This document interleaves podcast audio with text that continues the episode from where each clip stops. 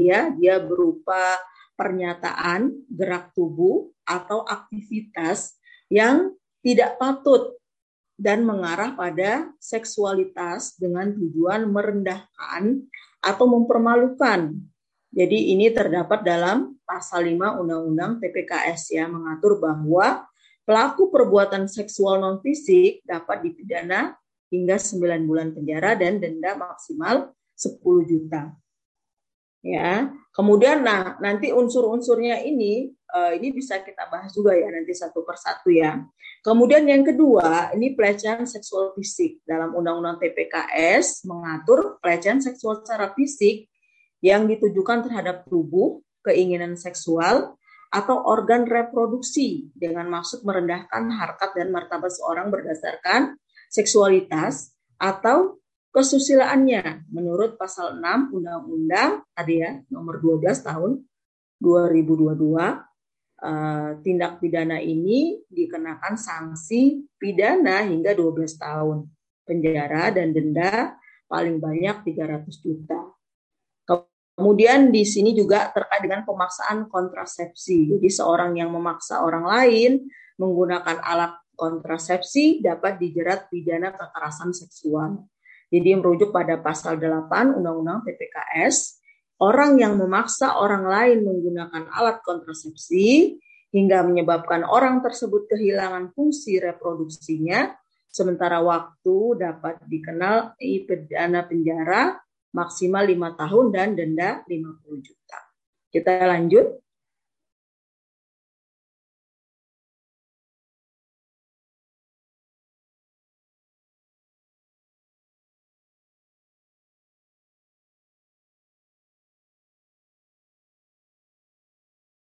Lanjut ke slide berikutnya. Nah, yang keempat ini pemaksaan sterilisasi ya. Jadi seseorang yang memaksa orang lain untuk menggunakan alat kontrasepsi hingga menyebabkan fungsi reproduksi orang tersebut hilang permanen atau dengan kata lain memaksa sterilisasi bisa dinyatakan melakukan tindak pidana kekerasan seksual ya. Jadi kalau di Undang-Undang TPK ini banyak ya yang disebut dengan kekerasan seksual. Kemudian pemaksaan perkawinan. Jadi perkawinan paksa yang dimaksud adalah perkawinan anak. Jadi pemaksaan perkawinan dengan mengatasnamakan praktek budaya, pemaksaan perkawinan korban dengan pelaku perkosaan, pemaksaan perkawinan ya ini diatur dalam pasal 10 Undang-Undang TPKS. Jadi menyebutkan bahwa pelaku perkawinan paksa bisa dipidana penjara paling lama 9 tahun dan denda maksimal 200 juta. Jadi ini hati-hati ya, kalau di undang-undang perkawinan kan usia perkawinan juga udah dinaikkan. Ya, ada yang tahu perkembangannya. Jadi kalau yang sebelumnya wanita boleh berusia berapa? 16 tahun ya. Laki-laki 19 tahun, kalau sekarang udah lebih tinggi ya. Usianya berapa? 21 tahun. Nah, nanti diceklah di undang-undang perkawinan. Jadi usia perkawinan uh, oleh pemerintah sudah dirubah ya. Kemudian juga di sini tidak boleh melakukan perkawinan paksa, misalnya karena kayak kasus di Prinsewu ya ada ya. Jadi uh, uh, siswi umur 15 tahun uh, sudah melakukan hubungan perkawinan di luar nikah selama tujuh kali dengan pacarnya yang usianya 26 tahun.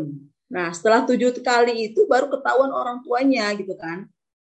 Nah, setelah ketahuan orang tuanya, maka dilaporkan kepada kepolisian, kemudian juga uh, dikenakan Undang-Undang Perlindungan Anak. Nah, kalau masyarakat mah bilangnya gini, udah tujuh kali nih, berarti suka sama suka, kenapa nggak dikawinin? Nah, ternyata di sini masuk ke unsur pemaksaan perkawinan yaitu misalnya korban ya dengan pelaku perkosaan. Ini kalau yang perkosaan ya. Nah, bagaimana kalau dia bukan diperkosa tapi memang tadi pacaran, kemudian melakukan hubungan perkawinan tadi ya di luar pernikahan, bahkan sudah berkali-kali, gimana nih? Bisa nggak kena unsur dalam pemaksaan perkawinan di, di pasal ini? Nanti bisa kita bahas ya. Kemudian ada penyiksaan seksual. Jadi pelaku penyiksaan seksual merupakan pejabat atau orang yang bertindak dalam kapasitas sebagai pejabat resmi dan sebagainya ya. Kita lanjut aja karena memang nanti ada pasal-pasal yang justru lebih relevan. Kita lanjut ke berikutnya.